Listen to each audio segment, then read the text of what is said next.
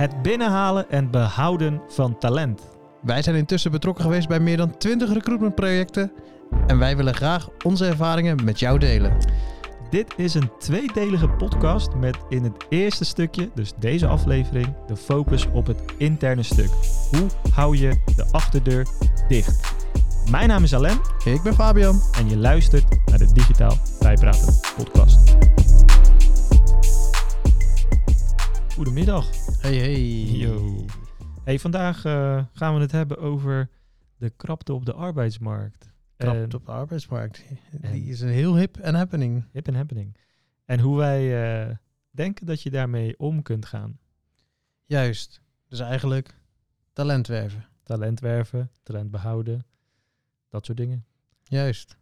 Maar even, eh, zijn wij expert op dit gebied? Ik zou niet ons als expert, maar wel als eh, ervaringsdeskundige Ervaringsdeskundige. Ja. en eh, veel betrokken geweest bij het eh, mooie speelveld tussen HR en marketing. ja, ja, zeker. En we hebben best wat HR-componenten ook geïmplementeerd. onder advies en begeleiding van wel experts die ons Ja. advies hebben gegeven. Dus ik denk wel dat we onze ervaringen in ieder geval kunnen delen. En dat daar wel wat mooie inzichten uit kunnen komen. Ik gok het ook. Ik gok het ook. Laten we beginnen. Krapte op de arbeidsmarkt. Eh, We hadden genoteerd korte versus eh langer termijn. En ja, laten we gewoon lekker ko- korte termijn beginnen. Wat, wat zijn een beetje de issues daar, korte termijn? Uh, korte termijn is dat nu extreem krapte is op de arbeidsmarkt. Dus eh, nou ja, veel economische groei gehad de afgelopen, laten we zeggen, tien jaar. Misschien iets, iets korter. Eh, ja, daardoor eh, groeiden bedrijven heel snel. Eh, uiteraard dan meer mensen nodig. En als we dan kijken naar ons vakgebied, de marketingwereld, maar misschien ook een beetje de, de bureauwereld. Ja, dan zie je dat er ook nog eens een verhoogde vraag is gekomen binnen die zaken. Dus dan heb je en economische groei en een dubbele groei van die kant. En dat resulteert in weinig mensen beschikbaar. Ten opzichte van wat er nodig is. Ten opzichte van wat er nodig is Ja. en wat er ooit was. Ja. Ja, en dan heb je altijd de, de discussie. eh, wij voeren hem volgens mij zelf ook nog wel eens. Hè, van, hey, ja, is er wel een krapte? Want ja, het hangt er ook vanaf wat voor eisenpakket je natuurlijk neerlegt. Maar jij gaf eigenlijk al in de voorbereiding aan. van, Ja, er zijn gewoon te weinig mensen. Maakt even niet uit hoe of wat. Ja, de westerse wereld, om het even lekker over eh, in een mooi hokje te beginnen, zie je gewoon een veel te snelle economische groei ten opzichte van het aantal mensen die er zijn. Er worden gewoon simpelweg te weinig mensen geboren. Dus wat, wat zie je is dat daar eh, enorme krapte ontstaat. Die wordt opgevuld aan de ene kant door een stukje migratie. Hm. Aan de andere kant door een stukje, we hebben een probleem, we moeten nieuwe mensen werven. Nieuwe mensen. eh, misschien ook meer kinderen dus. nou, ja, we gaan daar niet, niet op in. Maar in basis is het grootste probleem van de westerse wereld dat er weinig kinderen worden geboren. Ja, ja ik, ik hoorde laatst eh, ergens in een eh, YouTube-interview ook inderdaad Elon Musk dat zeggen van...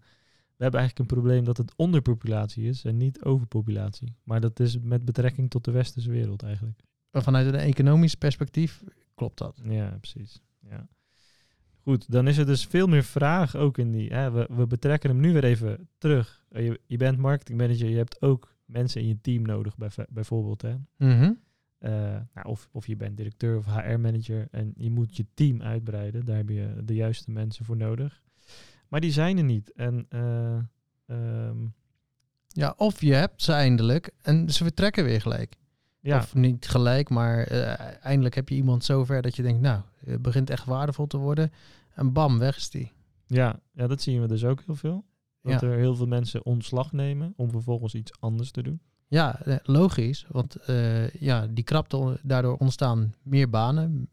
Steeds meer bedrijven komen echt in de problemen, gaan dus betere voorwaarden neerzetten. Of kijken, waar we het zo uitgebreid over gaan hebben, veel meer naar hun interne status, cultuur en alles wat daaromheen komt, eh, komt, ja, bij komt kijken. En die gaan dat veel heel erg verbeteren, waardoor mensen denken, hey, dit is weer een interessante kans voor mij. En ze worden weggelokt. Ja. Ja, en dat is dus een van de gevolgen. Is dus eh, een soort van ja, ontslaggolf, eh, maar dan meer Wisselgolf. wisselgolf noemde je dat, ja. Het andere is eh, daardoor ook dus een veel hogere eisen slash wensenpakket richting de werkgevers. Juist. Want ze hebben het voor het kiezen. Ze hebben het voor te kiezen. En zelfs een generatie die nu vijf jaar aan het werk is, weet niet anders. Ik Mm. ben toch super belangrijk, want ik word door iedereen uitgenodigd. En hey, eh, als je het niet op, eh, niet op mijn manier wil doen, ga ik gewoon ergens anders kijken. Weinig geduld. Zou het niet per se zeggen. Ik denk dat eh, balans is altijd een goede woord. En ik denk dat er heel, heel, heel, heel, heel lang heel veel onbalans is geweest. In het, waarbij er misbruik werd gemaakt van werknemers door bedrijven. Ik denk dat we nu naar de verkeerde kant van de balanskant gaan. Dus ook weer onbalans. Waarbij eh, eh, werknemers iets te veel met zichzelf bezig zijn en eh, iets te Hmm. weinig met het grotere geheel. Ja. In sommige gevallen. Want Ja. dit is weer alles over één kam. Succes ermee. ja, is ook een generatiedingetje, denk ik. Iemand Ja, die precies. 20 jaar aan het werk is versus iemand die drie jaar aan het werk is. Die hebben een hele andere beleving. Absoluut. Ik denk dat het dat er heel veel mee te maken heeft. En dan is het ook nog eens persoonsafhankelijk natuurlijk. Ja, ja en dan, dan eh, de businesskant. Want dat is dan eigenlijk ja, tweeledig. De eerste is, hoe behoud ik eigenlijk mijn mensen? Want hè, ik wil groeien. Dat betekent eh, dat ik in ieder geval zo min mogelijk mensen wil laten weggaan. En hoe voeg ik daar dan nog eens de juiste mensen aan toe? Juist. Ja, dus het tweeledig. Behouden en uitbreiden.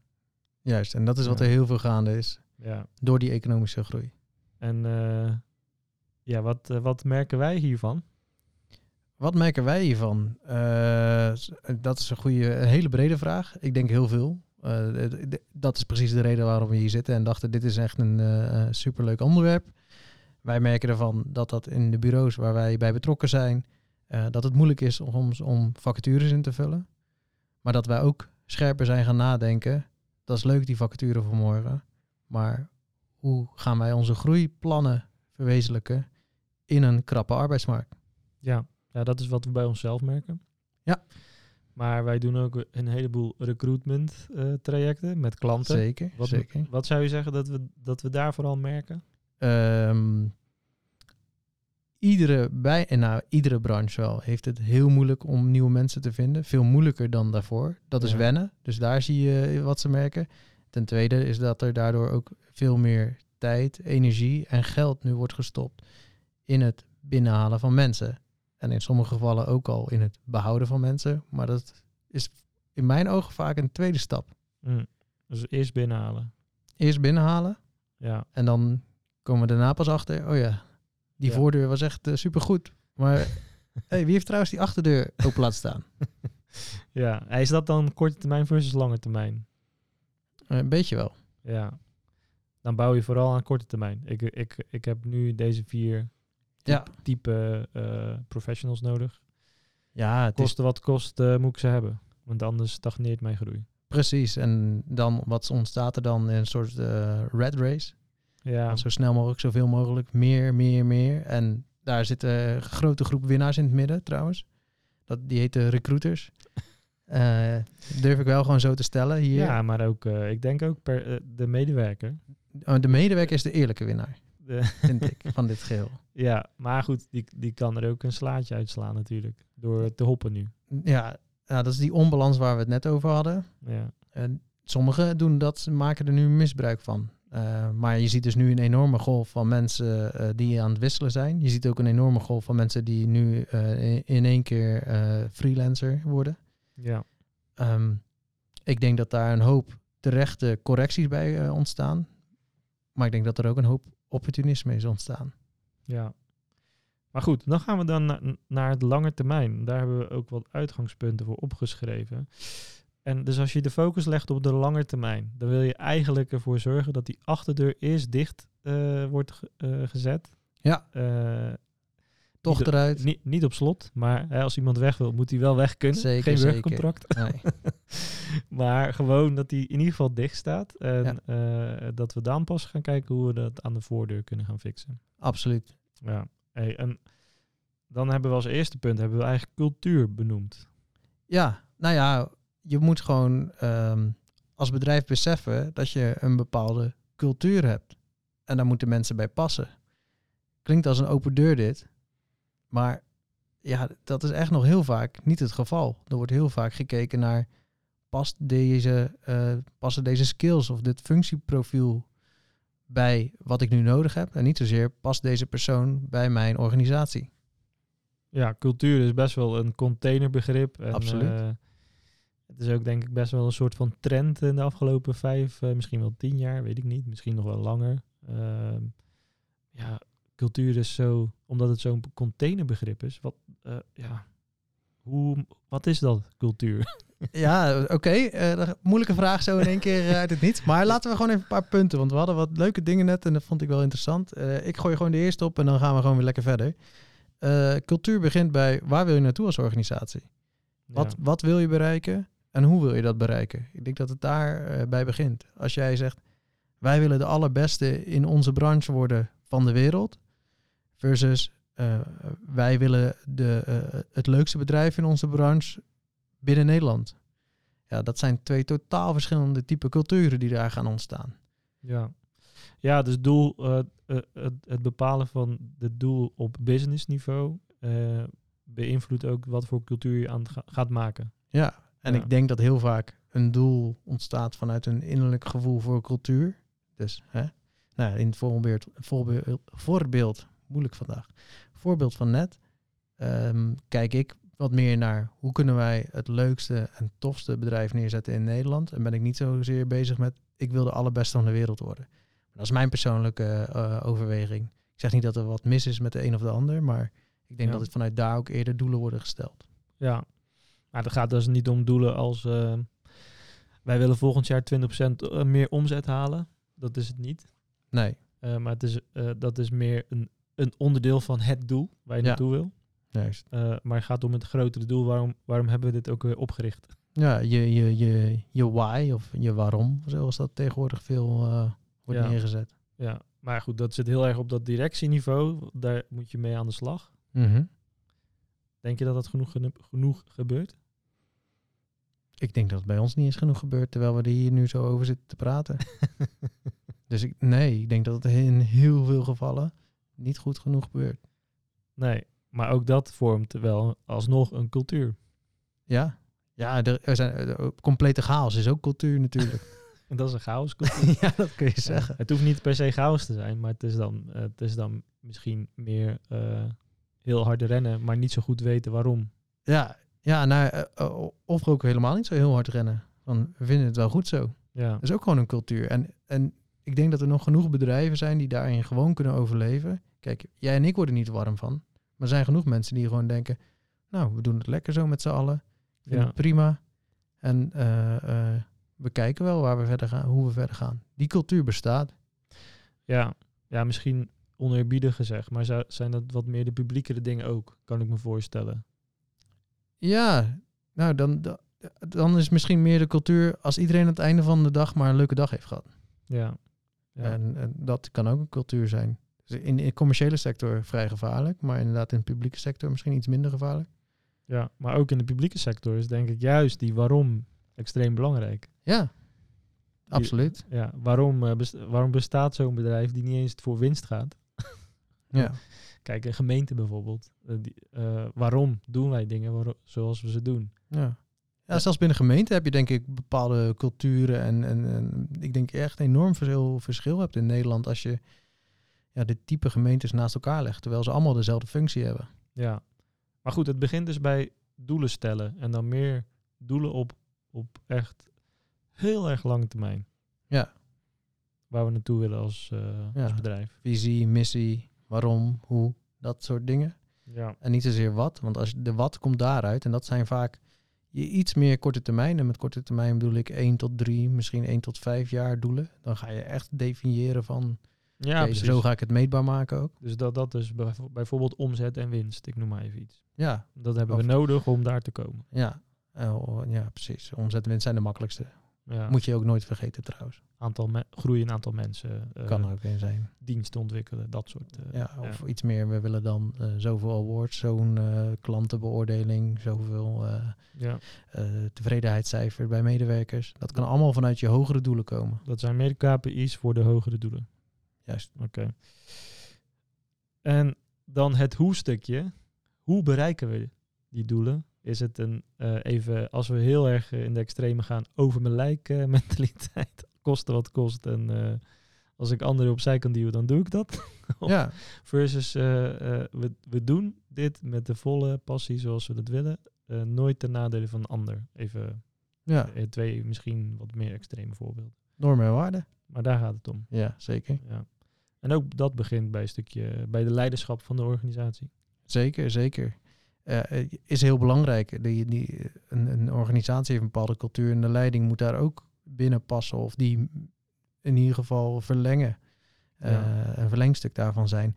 Wij hebben het natuurlijk ook uh, gedaan en wij zijn toen een beetje bij het stukje archetypes gekomen. Van hé, hey, wat voor type bureau zijn wij nou? Of bedrijf zijn wij nou? Of intussen groep zijn wij nou? Ja. Maar dat, dat, waren wel onze persoonlijke archetypes uiteindelijk. Ja, bleek achteraf onze persoonlijke archetypes te zijn. Uh, wat gebeurt er? Wij zijn van binnen daardoor gemotiveerd. En zetten daardoor ook bewust en onbewust een cultuur op die manier op. En daardoor trekken we ook toen nog heel onbewust mensen aan die dat ook fijn en belangrijk vinden. Ja, maar daarmee gaan wij ook op zoek naar mensen die dezelfde waarden delen. Ja. En we, ja, je hebt daar toch een bepaald onderbuikgevoel voor. Als wij uh, aan tafel zitten met een uh, partij of, of een, uh, een potentiële medewerker, dat je het gevoel hebt van ja, dit gaat niet werken. Of, Zeker. Ja, volgens ik heb geen idee wel, hoe skill, hoeveel skills deze persoon heeft, maar de, ja, deze man of vrouw, die moet hier zitten. Zeker. Ja, nee, dit, dit is zoals je ook op een feestje bent en denkt, hé, hey, dit is mijn type mens. Ja. Ja. Zo gaat dat in een organisatie ook. En dat hoeft niet helemaal één op één eh, gekopieerd te worden. En als we het over uh, normen en waarden hebben, moet je wel echt goede overlap hebben met elkaar. Hoeft niet precies hetzelfde te zijn. Ja. Um, maar binnen die normen en waarden kan je wel een heel ander mens zijn. Dus een heel ander karakter hebben, een heel ander gedrag vertonen. Ja. Ja, ik, ik, uh, ik moet opeens denken aan een, aan een bureau. Ik ben even de naam kwijt, maar die richt zich dus op ja, heel erg milieubewuste campagnes en zo. Ja. Dat komt volgens mij uit een van de andere podcasts. Die heb jij ongetwijfeld geluisterd. Ja, ik heb hem zelfs aangeraden. Ja, uh, ik weet even niet. Weet jij nog toevallig hoe ze heten? Nou, als jij nog een mop vertelt, dan zoek ik het in de tussentijd op. Uh, maar uh, nou, dat ging er toen over. zij hebben heel erg die cultuur om duurzaam en een vegetarisch en vegan ja. merken te de helpen. wereld verder helpen. In de, in de wereld verder te helpen. Ja, dus alle merken die daarmee bezig willen zijn, uh, die kwamen dan bij hun uit, hè, want daar positioneerden ze zich op. Maar ze hebben dus alleen vrouwen bijvoorbeeld in dienst. En dat is niet omdat dat hun beleid is, maar omdat vrouwen doorgaans dus meer uh, geven om dit soort dingen dan mannen. Ja, zeker, zeker. Als voorbeeld, hè? Ja, Green Food Lab. Green Food Lab. Kijk, de naam zegt het al. Maar die groeien best hard. Uh, ze zijn heel hard gegroeid. Uh, wat ik begreep, 30 man in uh, nog geen vijf jaar. Ja. Ja, dat is best wel, uh, best wel stevig. Dus dat heeft zich wel bewezen dat het een plek heeft op de wereld, zeg maar. Dat het belangrijk gevonden wordt. maar dat is wel een mooi voorbeeld van cultuur. Eigenlijk is de, zeg maar, het bedrijf zelf is al, waar, waar het voor staat, is heel duidelijk. Is een hele duidelijke, krachtige cultuur, waardoor ze ook heel duidelijk mensen en merken aan zich kunnen binden. Ja. Uh, maar ook heel duidelijk niet, hè? Dus als jij uh, uh, graag in je Dodge Ram aankomt rijden terwijl je de Een avond ervoor, nou, ik wou zeggen een tomahawk steak op hebt, dan, ja, dan, dan is de kans klein dat je daar wil werken. Dus ja, dus je maakt, maar daardoor wordt het ook wel weer wat, wat tegenstrijdiger. En ja. um, ik denk dat er ook wat meer middencultuur bestaat. Dus waarbij de respect is voor mensen die vegetarisch en vegan willen zijn. Maar mensen ook uh, uh, gewoon netjes vlees kunnen eten zonder dat ze daardoor gek aangekeken worden. Ja, ja ik, ik, ik, ik weet dus ook een ander bureau waar ook weer de naam van ontschoten is. Maar het principe daar was, we willen juist zoveel mogelijk verschillende type mensen met verschillende achtergronden. Uh, hetero's, homo's, uh, donkere mensen, lichte Heel erg inclusief. Uit, het inclusiviteitsstukje. Maar die kregen dus ook opdrachten van andere bedrijven die daar heel erg veel waarde aan hechten. En Ja. dat is ook cultuur natuurlijk. Zeker. Dus dat werkt niet alleen in je recruitment, maar ook in je, eh, in je sales eigenlijk dan opeens ja, voor zeker. je. Misschien ook tegen je, maar Ja. ja. dat zijn duidelijke keuzes. Absoluut. En, en dat is heel erg eh, ehm, normen en waarden gerichte cultuur. Ja. Ook wel interessant, zeg maar, voor een organisatie. Wat, wat, zijn, wat zijn onze normen en waarden? En Ja. hoe gaan we dat dan doordestilleren naar echt de werkvloer? Ja, precies. En hoe scherp zet je ze? Want ik we hebben net twee voorbeelden van die heel erg duidelijk op bepaalde gebieden normen en waarden hebben. En je hebt natuurlijk ook iets, ja, eh, dat klinkt misschien wat meer inclusief, maar eh, waarin ze zeggen, nou, we, we geloven eh, in een iets breder scala aan meningen. Ja, En dat kan ook een iets minder inclusieve mening zijn, ja, zeg maar. Dus ja. eh, dat vind ik ook nog wel grappig. Maar voordat we daar te diep op ingaan, eh, hadden we nog een andere opgeschreven die ik wel interessant vond, is locatie. ja, locatie is wel van de afgelopen eh, ja, drie tot vijf jaar nog be- belangrijker geworden. Juist. Op kantoor werken versus waar, waar- ja, overal ter wereld werken, zeg maar. ja. Ja, mooi voorbeeld denk ik is Basecamp hierop. Voor de mensen die het kennen, dan weet je denk ik al waar ik over praat. Mocht je het niet kennen, eh, raad ik je... En als je hierin geïnteresseerd bent, zeker een interessant verhaal om naar te kijken is eh, eh, naar Basecamp. Dat is gewoon een bedrijf uit Amerika, maar die opereren eigenlijk wereldwijd en, en hebben niet per se een vaste locatie. Nee, die doen het eigenlijk al jaren in de, nou ik wou zeggen hybride vorm, maar eigenlijk gewoon de oude, ja, out-of-home vorm. Oh ja, dus je bepaalt je eigen werktijden. Je wordt niet gecontroleerd op wat dan ook. Eh, maar goed, als, als je voor de juiste output zorgt, eh, dan eh, krijg je dingen voor elkaar. En dat is ook een visie, hè? Dat, ja, laten we vooral minder meetings doen en laten we vooral focussen op goed werk.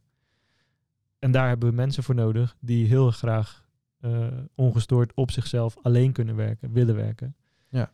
En natuurlijk zoeken ze elkaar op, maar uit, in basis zijn ze heel erg anti-meetings en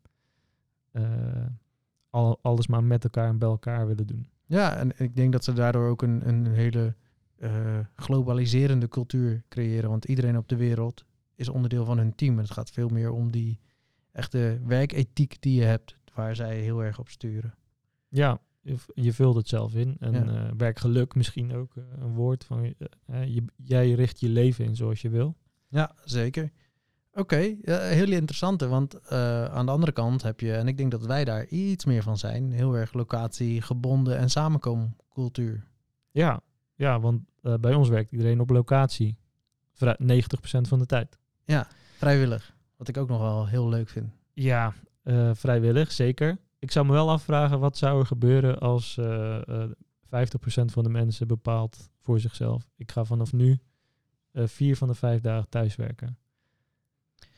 Ja, dat hangt natuurlijk van je kern van je cultuur af. En ik denk dat de, de kern is dat de meeste mensen naar kantoor willen komen. Dus eer dat je op 50% zit, ja, dat, dat kan bijna niet. Want dan moeten die eerst erbij komen, de kern van de cultuur worden.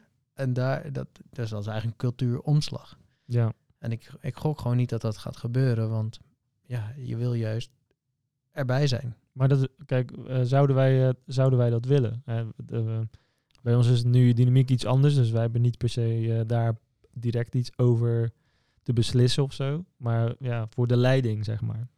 Ja, Dat is wel lastig. Want ik denk dat de leiding er ook zo in staat. Tuurlijk, weet je, als je een keer thuis wil werken, prima. Maar iedereen hier vindt het ook belangrijk dat je elkaar vaak genoeg ziet. ja en, zeker. en dat de kwaliteit van de producten omhoog gaat, omdat je samenwerkt. Ja. Dus om nou te zeggen, eh Tabé, kijk maar hoe je je werk doet, dat past niet bij ons. nee, En zeker het, is een, het is dus niet een geschreven regel dat je maar zoveel per week thuis mag werken. Maar dat komt dus ook gewoon niet voor, omdat mensen dat ook fijn vinden om hier te werken. Juist.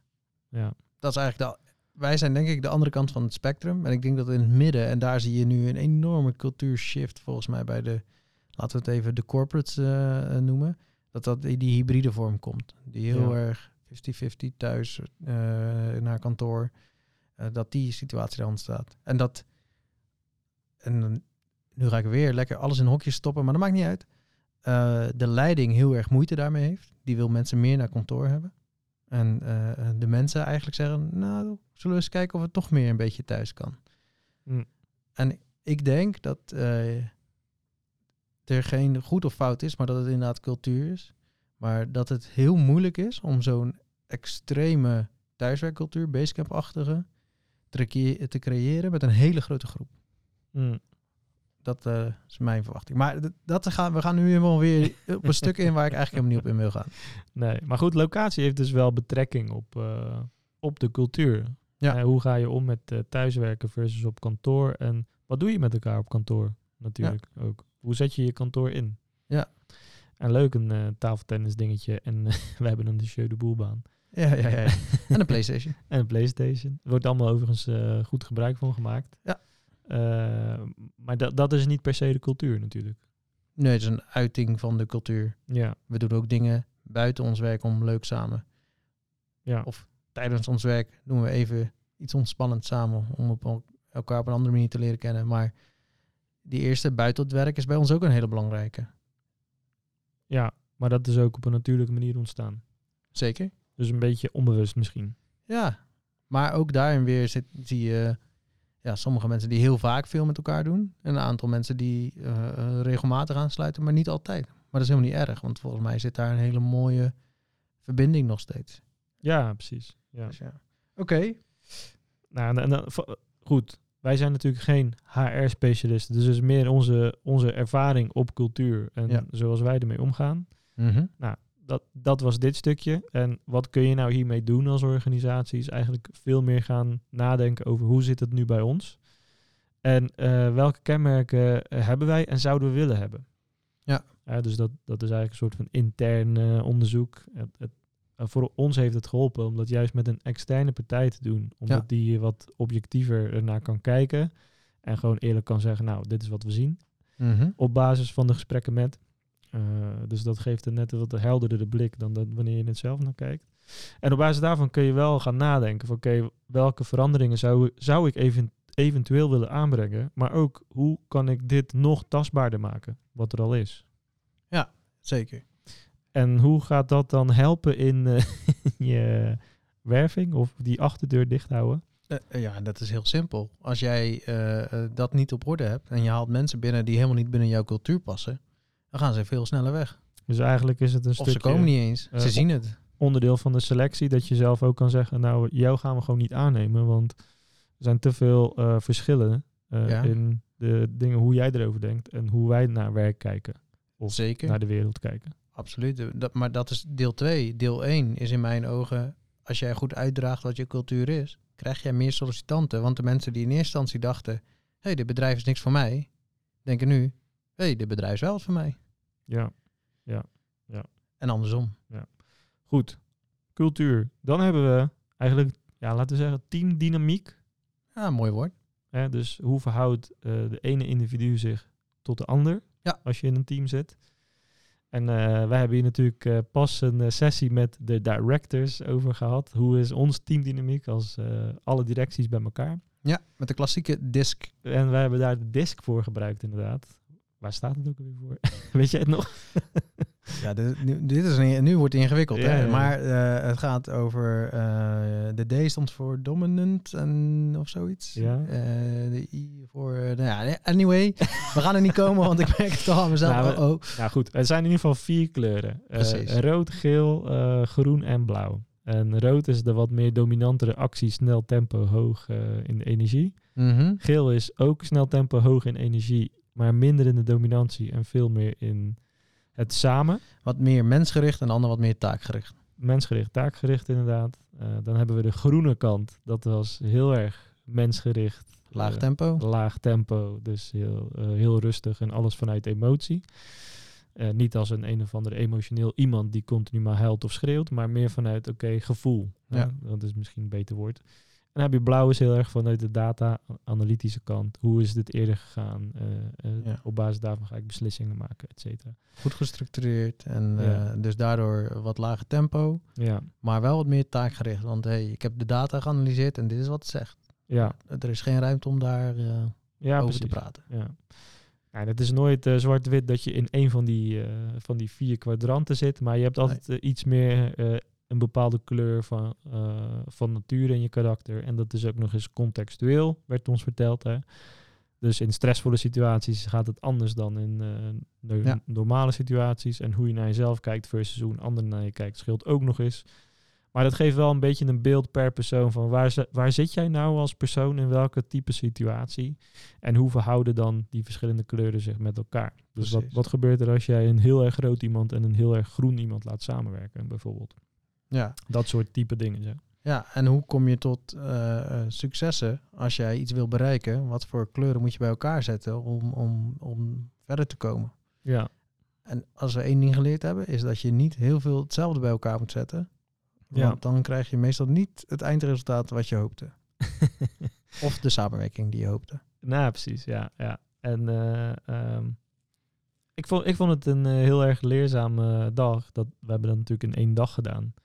Maar je leert veel van jezelf kennen en van elkaar. Ja. Eh, maar goed, als je dat dan weer betrekt op je team, Ja. is het heel goed om dit eigenlijk ook voor je team te doen. Om goed te begrijpen. Ja. Eh, ja, wat, eh, wat heeft een afdeling? Neem een supportafdeling. bij- Zullen we een marketingafdeling doen? een marketingafdeling. Wat heeft de marketingafdeling? welke doelen hebben wij voor de marketing? En ja, wat hebben we dan nodig om daar de juiste dingen voor te doen? En hoe, zien, hoe ziet ons team eruit in, in die kleurenpalet? En, en DISC is één uitwerking en dus gewoon één methode. Er zijn er veel meer volgens mij. Ja. Eh, maar deze hielp ons wel om eh, te kijken van oké, wat is nou die dynamiek tussen elkaar? En hoe kunnen we ja, een beetje elkaars krachten gebruiken bij bepaalde situaties? Zeker. En wat missen we in het team? Waar liggen de gaten? Op, Ja. op karakterniveau is dit, hè? Karakterniveau, zeker. Dus ja. cultuur, normen en waarden moeten genoeg overeenkomen. Anders gaat het nooit werken. Ja. Maar karakters kunnen daarin heel erg verschillen nog steeds. Ja. ja, zo zijn we erachter gekomen dat jij eh, eh, heel erg goed bent in het onderhandelen en het eh, samenbrengen van twee partijen of meerdere partijen, waarin je heel goed belangen bij elkaar weet te brengen. Dat ik heel erg creatief ben en heel ver vooruit denk. Mhm. En dat Jeroen heel erg gestructureerd graag te werk gaat. En Roy heel erg analytisch is. Past ook goed bij Raft in, in dit geval. Zeker. Maar, maar zo, zo kom je bij elkaar en dan weet je gewoon, hey, we hebben nu een bepaalde kwestie. Eh, ah, dan is het wel eh, een goede eh, om hier, weet ik veel, bij te betrekken. Want Mhm. ja, die, ik weet dat hij hier op een natuurlijke manier goed mee omgaat. Ja, precies. Nou ja, Ja, en dit, i- dit moet je wel inderdaad op kleine teamsniveau doen. Dus je kan het niet als jij een bedrijf van 300 bent zeggen... nou, we gaan even iedereen in kaart brengen en dat op elkaar eh, afstemmen. Nee, maar binnen je afdeling gewoon. binnen je afdeling. Je zou wel kunnen kijken binnen je afdeling... hey, dit komen we tekort en dat hebben ze op die afdeling wel. Kunnen we daar af en toe gebruik van maken? Maar nu gaan we wel heel erg hier weer op in. Wat we eigenlijk zeggen is... eh, eh, cultuur moet een match zijn en dat heeft verschillende lagen. Maar karakters moeten elkaar aanvullen. Ja, ja, dus heb jij eh, heel veel rode karakters in je marketingteam, super taakgedreven, dan eh, zullen er waarschijnlijk heel veel gas gegeven worden. Eh, maar misschien niet altijd in de juiste richting, want daar heb je af en toe blauw voor nodig. Die kan zeggen, nou op basis van de data missen we dit of dat. Dus zo moet je er een beetje naar kijken, denk ik. Ja, en die blauwe mensen hebben dan een stukje geel-groen nodig om eh, die verbinding met die rode weer te krijgen. Maar nu gaan we er weer te diep op in. We gaan door. Senioriteit staat er. Ja, Dat is ook nog wel een belangrijke. ja. ja hoe zie jij dat? De senioriteit is in hoeveel ervaring eh, heeft iemand en eh, wat brengt hij mee eh, in, in, in zijn vakgebied op zowel hard skills als soft skills. En hoe is de verhouding binnen het team? Dat is gewoon heel belangrijk. Als jij een, een team van vijf man hebt met vier seniors en één junior, dan is er een grote kans dat er ergens iemand niet meer lekker gaat. Ja, de, de balans eigenlijk dan. Balans. Balans in de senioriteit. Balans senioriteit is denk ik heel belangrijk. Ja. En heeft ook nog wel ehm, de vraag in je team, of, of eh, je- de, de vraagstukken die je behandelt. Kan dus natuurlijk zijn dat je heel veel bepaalde vraagstukken eh, krijgt die vooral senioriteit heel hoog vragen, Ja, omdat je het daarna loslaat. Dan moet je die balans iets anders zoeken. Dus je moet echt je eigen balans bepalen. Maar ik kan wel zeggen dat in acht van de tien gevallen een balans die echt een daadwerkelijke junior, medior, senior balans is, ehm, ja, wel echt heel belangrijk is en heel erg gaat bijdragen aan ja. eh, verder komen met elkaar. Ja, als je alles intern zoekt, hè, dus dan heb je het over. eh, ik denk, eh, je ziet da- daar vaak de piramideverhouding in. Als in, oké, voor één senior moet je kijken naar gemiddeld twee mediors en drie juniors. Mhm. En dan heb je een goede doorloop ook de komende vijf tot zeven jaar, als je dat vasthoudt. Heb je drie seniors, twee mediors en één junior, dan eh, wankelt die piramide. dan staat die natuurlijk op zijn kop, zeg maar. Precies. Even in extreme gevallen. Ja. Je kan natuurlijk zeggen, we hebben gewoon drie seniors, want de rest van het werk wordt gedaan door externe en die moeten heel goed aangestuurd worden. En eh, de drie seniors bewaken de strategie. Ja, dat is een hele goede keuze natuurlijk. Juist. Uh, maar heb je drie seniors, dan moet er ook heel veel werk verzet worden, repetitief werk. En je hebt daar geen uh, hoeft niet repetitief zijn, maar gewoon... On, ja. Je ondervraagt eigenlijk iemand dan, Ja. continu. En uh, Juist. dan krijg je geen uh, burn-out, maar bore-out, geloof ik. Eh, en dan gaat de achterdeur weer open. Zeker. Ja. Ja. Oké. Okay. Um, daar, hebben, daar hebben we nog... We zijn nog steeds bij het achterdeur dicht houden, hè? Ja. Ja. Perspectief bieden. Door goed perspectief te bieden, hou je ook de achterdeur uh, wat steviger di dicht. Zeker. En, uh, ja, dat heeft alles te maken met geld onder andere. Maar ook, ja, geld is niet het enige perspectief die je biedt natuurlijk. Uh, groeiplan ja. zit erin. Hoe, hoe kan ik jou uh, perspectief bieden? hoe ga jij jezelf ontwikkelen als professional? Persoonlijke ontwikkeling versus voorwaardeontwikkeling. Ik denk dat dat de twee ja. grote factoren hierin zijn. Ja. Kan je in beide perspectief bieden? Ja. Wat helpt bij, hoe kun je perspectief bieden? Uh, door een goed plan met ze uh, door te nemen. Van oké, okay, hey, dit is jouw persoonlijk ontwikkelplan. Daar is die, de mooie pop. um, ja, je moet een traject bedenken van oké, okay, wat uh, wil jij leren? En hoe gaat dat bijdragen aan je eigen ontwikkeling, maar ook aan die van de organisatie? Ja. Um, ik denk dat die combinatie heel erg belangrijk is. Uh, en daarin kan je kijken, leren op hard skills. Gewoon uh, uh, voor een advertising specialist. Ik wil nog beter worden in Google advertising en, en straks ook TikTok advertising erbij goed kunnen doen. Ik wil mijn kennis op, hoog houden op dat niveau. Maar aan de andere kant heb je het ook over soft skills. Ik wil beter kunnen samenwerken met mensen. Ik wil beter klanten kunnen overtuigen. Uh, ja. Dat soort zaken. Ja, het komt er uiteindelijk meer op. Wat, wat wil jij als uh, even richting de medewerker? Hè? Mm -hmm. De vraag richting de medewerker, waar heel lang uh, bij stilgestaan moet worden en heel goed bij stilgestaan moet worden, is wat wil jij? Mm -hmm. Wat wil jij in je leven? Een hele moeilijke vraag, een hele brede vraag. Maar ja, uh, kijk, ik heb de droom om mijn eigen bedrijf te beginnen is een heel ander ontwikkeltraject dan iemand die zegt, ja, ik weet het nog niet zo goed. Of ik wil de allerbeste in mijn vakgebied worden. Ja. En dan moet je weer terug naar, oké, okay, wat waren de doelen van de organisatie ook alweer? Juist. En, en hoe gaat dat, hoe kunnen wij als organisatie helpen jouw doelen te verwezenlijken? Ja. En jij die van ons. Zeker. Dus oké, okay, top dat jij een eigen bedrijf wil hebben. Zullen we werken dat jij binnen vijf jaar hier alle kennis hebt opgedaan? Dan hebben we een traject van vijf jaar met elkaar. Hoe kunnen we jou de beste ondernemer maken over vijf jaar. Zodat wanneer je gaat beginnen, je alles uh, voor jezelf eruit gaat halen. En in die vijf jaar, hoe kun jij alles voor ons eruit halen? Dan, ja. dat is even het gesprek, denk ik, waar het bij begint. Zeker. En, en, niet iedereen weet dat natuurlijk gelijk. Zeker als je wat jonger bent. Maar het is wel de, ik denk dat het daar begint. Ja, zeker. En dat is 100%. Dat ja. is perspectief in ontwikkeling, in persoonlijke ontwikkeling. Dan ja. perspectief in voorwaarden. Ja, dat, dat is niet zo'n hele ingewikkelde, maar moet wel goed geregeld zijn. Begint gewoon de belangrijkste voorwaarde is altijd salaris. En uh, daar moet perspectief in zijn dat je weet van oké, okay, er zit nog ergens een groeimogelijkheid. Of een duidelijk perspectief van hé, hey, je gaat op dat gebied hier niet meer verder kunnen groeien. Gewoon een duidelijkheid is het dan meer. Duidelijkheid, maar ook ja. wel een stukje perspectief. Dat ja, er helemaal, helemaal geen mogelijkheden meer zijn, dat is wel heel demotiverend. Ja. Oké, okay, en de rest van de voorwaarden, ja, secundaire voor. We snappen het allemaal. Nou, maar salarishuis is hierbij wel een ding. Ik zie bij veel organisaties die uh, 100 plus man hebben, die geen salarishuis hebben. Zeker, en dat helpt, helpt ja, enorm. Ik, ik, ik denk, hoe kun je geen salarishuis hebben met zoveel personeel? Dat vind, dat vind ik wel lastig, zeg maar. Terwijl ja. wij zijn hier in de groep uh, verdeeld over drie bureaus met nog geen 30 man uit mijn hoofd. Nee.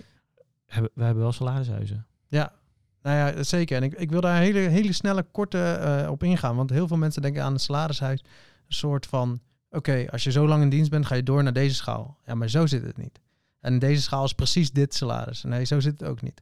Het salarishuis kan veel breder zijn. Dus uh, het kan ook zijn van, hey, uh, heb jij deze skillset en ben je deze type werknemer, dan krijg jij tussen dit en dit qua salaris. En daarin zitten ook nog groeipotentiëlen. En dat is het salarishuis waar wij het nu over hebben. Ja, En niet zozeer zo'n vastgeroest gemeentesalarishuis van... eh Ja, hey, ben je weer een jaar lang komen opdagen? Gefeliciteerd. hey. ja, maar dat zijn de CAO in de zorg bijvoorbeeld ook. Hè. Dan eh, ga je gewoon een trap omhoog of zo, noemen ze dat dan? En dat Ja. is dan eh, zoveel procenten. Dan krijg je iedere keer maar een beetje, ongeacht of je nou presteert of niet. Ja, belachelijk. Ik merk aan mezelf dat ik er helemaal kriebels van krijg. en daarom wil ik je misschien uitleggen van... Hey, salarishuis hoeft helemaal niet zoiets... dat- Nee, ja. nee het, het is een middel om, om op een eerlijke manier perspectief te bieden en in, het, in gesprek te gaan ja, met je medewerkers. zeker. Ja, en om geen scheefgroei te krijgen. Nee, precies. Ben jij een kleine organisatie en heb jij nog geen salarishuis? eh, zou ik nog steeds nadenken van hoe kun je dat heel op een kleine manier neerzetten. Maar dan is perspectief, perspectief bieden nog steeds heel belangrijk. Ja, Ga aan het einde van het eh, contract, of misschien eigenlijk zelf veel, eh, aan het aangaan van het contract, ga in gesprek alvast. Waar gaan we heen als we gaan verlengen? Of waar gaan we over een jaar heen? Waar werken we naartoe? ja, Eh, en dat hoeft niet een precies getal te zijn. Dat kan ook een range zijn. Van hey, hier ergens willen we dan terechtkomen. ja, Dan is ook nooit iemand teleurgesteld. ja, ja. Ja, misschien is het wel een leuke voor een eh, vervolgaflevering om, om gewoon even uit te diepen. Hoe hebben wij eh, eigenlijk dit HR-model bij ons? Want wij hebben functieprofielen en een salarishuis. Ja. Eh, ja, hoe is dat tot, tot stand gekomen? Hoe ziet dat eruit? Ja, Maar goed, dat is even voor een, eh, dat is een aflevering op zich, denk ik.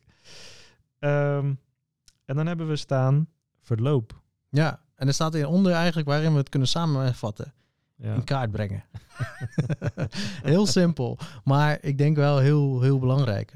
Kijk heel goed wat het verloop is ongeveer binnen jouw organisatie. Wat je kan verwachten. Wanneer mensen bepaalde signalen afgeven dat je weet, hé, hey, daarna stappen ze uit. Ja, En als je dat goed in kaart hebt, ja, dan weet je dus ook van hé, hey, dan gaat ongeveer die functie weer of, of dat profiel weer vrijkomen. En daar heb ik weer iemand nodig. dus een beetje patronen herkennen eigenlijk. Patronen herkennen, ja, simpel. Dus gewoon een, eh, even heel ouderwets. eh, gooi je volledige personeelsbestand eh, in een Excel-sheet. Functies erachter, aantal jaar wanneer ze begonnen zijn en wanneer ze gestopt zijn. En probeer eens te kijken of daar soort van correlatie in zit. Om Zeker. vervolgens te kijken van, hey, wa- waren dat soort van uitzonderingen of zie ik een rode draad? En kan ik daar dus eh, eh, in mijn recruitment straks ook rekening mee houden? Precies. En hoeveel stapt eruit naar mismatch zijn, zeg maar. Dus dat je een paar categorieën kan maken. Was het mismatch? Ja, mismatch komen we meestal na zes maanden of een jaar achter. Eh, mensen die wel echt een goede match zijn, zijn uitgeleerd na zeven jaar. Dat soort dingen. Schrijf je dat op, dan weet je gewoon, oké, diegene zit nu in dit geheel. Daar moeten we mee aan de slag. Ja. Dat was voorlopig in kaart brengen. Ja. Ik denk een eh, wel een hele praktische en makkelijk om gewoon direct te doen. Makkelijk weet ik niet. Ik denk dat dit voor heel veel mensen niet zo makkelijk klinkt als dat het, eh, nou ja, dat het misschien is. Want je moet wel echt goed alles in een Excelletje zetten. Ja. Goede rekenformules overheen laten gaan. Goede redenen achter zetten. En genoeg data hebben. Als, Nou, als jij een team hebt van, van 5, 6 en je bestaat net drie, vier jaar, ja, je kan geen conclusies trekken. nee, nee, zeker. Maar als jij een team hebt van 50 of een bedrijf bent van 50 man personeel, Ja. dan is dit gewoon, eh, of 100 of 150 bij wijze van, dan kun je gaan categoriseren, kun je patronen gaan zoeken. precies. En, eh, hebben we hier echt wel veel aan om het gewoon lekker praktisch voor jezelf te houden. Ja. Eh, en, en als laatste hebben we opgeschreven, en dat is wat wij ook heel vaak doen, is, is een, een floatschouw. En dat is ook onderdeel van het HR-model wat bij ons is geïmplementeerd. Mhm. Eh, dat hebben wij samen met eh, Boris gedaan, onze HR-adviseur. En een floatschouw is eigenlijk een soort van, ja, zie het als een ja, schaakspel van, eh, van alle mensen die, die je hebt. En dat leg je naast zeg maar, de doelen of ambities van je organisatie en kijk je zeg maar, wat hebben we nodig Mhm. en wat hebben we aan, aan mensen en, en niveaus van mensen. Dus die senioriteit zit daar bijvoorbeeld ook in. Ja, Dus als jij zegt van hé, hey, wij, willen, eh, wij willen deze stappen maken, dus wij hebben, wij hebben zeker drie seniors nodig om dit te verwezenlijken. En je kijkt en je hebt er nog nul, ja, dan weet je waar je gaten liggen, zeg maar. Even heel simpel gezegd. ja. Nou, ik zou hem wel breder trekken nog, want eh, ehm, wat voor type functie heb je nodig? Dus nou, laten we even in die marketingwereld hebben wij ooit een aantal type marketingprofielen. Welk profiel is dat dan, waar je, eh, wat je nodig hebt? Welke senioriteit heb je daarin nodig? En wat heb jij op dit moment aan karaktertypes in jouw organisatie? Dus binnen welk karaktervlak moet deze persoon vallen. Ja, En zo kan je kijken van oké, hey, ik heb nu ook iemand zitten die op, eh, want ik heb zojuist eh, een mooie Excelletje gemaakt met mijn verloop. Deze persoon gaat waarschijnlijk binnen een jaar weg volgens mijn data. Dus ik ga dat gat ook nog eens krijgen. Nou, en zo kan je echt zien van oké, dit is wie er nu in mijn vloot zitten. En deze schepen heb ik er, dus medewerkers, heb ik binnenkort nodig. eh, of over een lange tijd nodig. En dan heb je echt inzicht ja. in hoe je moet gaan recruiten. Maar je, je kunt ook heel goed zien inderdaad wie er eventueel weggaat of gevaar is voor weggaan. En dat Mhm. heeft vaak ook met een stukje doorontwikkeling te maken. Want Ja. je gaat ook eh, puntjes zetten. Nou, eh, Pietje is junior developer en moet volgend jaar toch echt meteor gaan aantikken. Want anders heeft de organisatie sowieso een gat, want we hebben te weinig meteors. Maar als Pietje dat niet redt, hij is al twee jaar junior, dan wordt het ook gewoon een probleem voor Pietje. Want dan ontwikkelt hij zich gewoon niet Ja. op, op de juiste tempo. En zo kun je ook eh, heel goed kijken eh, van hey, eh, hoe ontwikkelt mijn team zich, zeg maar, in, in verhouding tot wat we nodig hebben. Ja. Ja, Precies dat. dus dat, dat heeft ons heel veel houvast gegeven. en dat doen we wij doen dat ongeveer twee keer per jaar. Eh, ja, bij grotere organisaties gaat het denk ik per afdeling. Bij ons, ja, wij zijn niet zo super groot natuurlijk. Nee, helemaal mee eens. Ja. Nee, ja, zeker. hey, als we daar naar het geheel kijken. Snelle samenvatting. Of niet?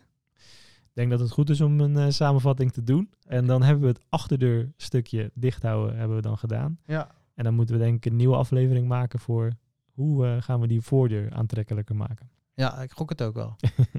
Oké, eh, ik ga even met een paar kleine... be- ik, ik begin even met de intro-stuk. Eh, dus waar hadden we het over? Eh, krappe arbeidsmarkt. ja. Die is er nu.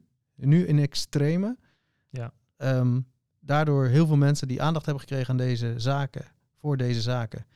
Ehm, ja, ga je korte termijn oplossen of ga je een lange termijn oplossing neerzetten? En als jij voor een hele korte termijn oplossing, ja, ziet die arbeidsmarkt er over drie jaar nog steeds hetzelfde uit. Ehm, daar zit wel echt iets waar je goed over na moet denken. En dan kom je bij het lange termijnplan. Ja, en je lange termijn eh, plan zit eigenlijk bij je businessdoelen. Dus wat waar eigenlijk niet de businessdoelen als in wij willen zoveel eh, omzet realiseren of zoveel groei realiseren. Dat is een onderdeel van je businessdoel. Maar waarom besta je eigenlijk? Daar gaat het met name om. En waar wil je naartoe als organisatie? Dus pak, pak hem iets abstracter vast, want dat definieert onder andere je cultuur. Vervolgens moet je kijken naar je normen en waarden. Wat vind je belangrijk? Dus hoe ga je dat bereiken? Eh, even extreme voorbeelden.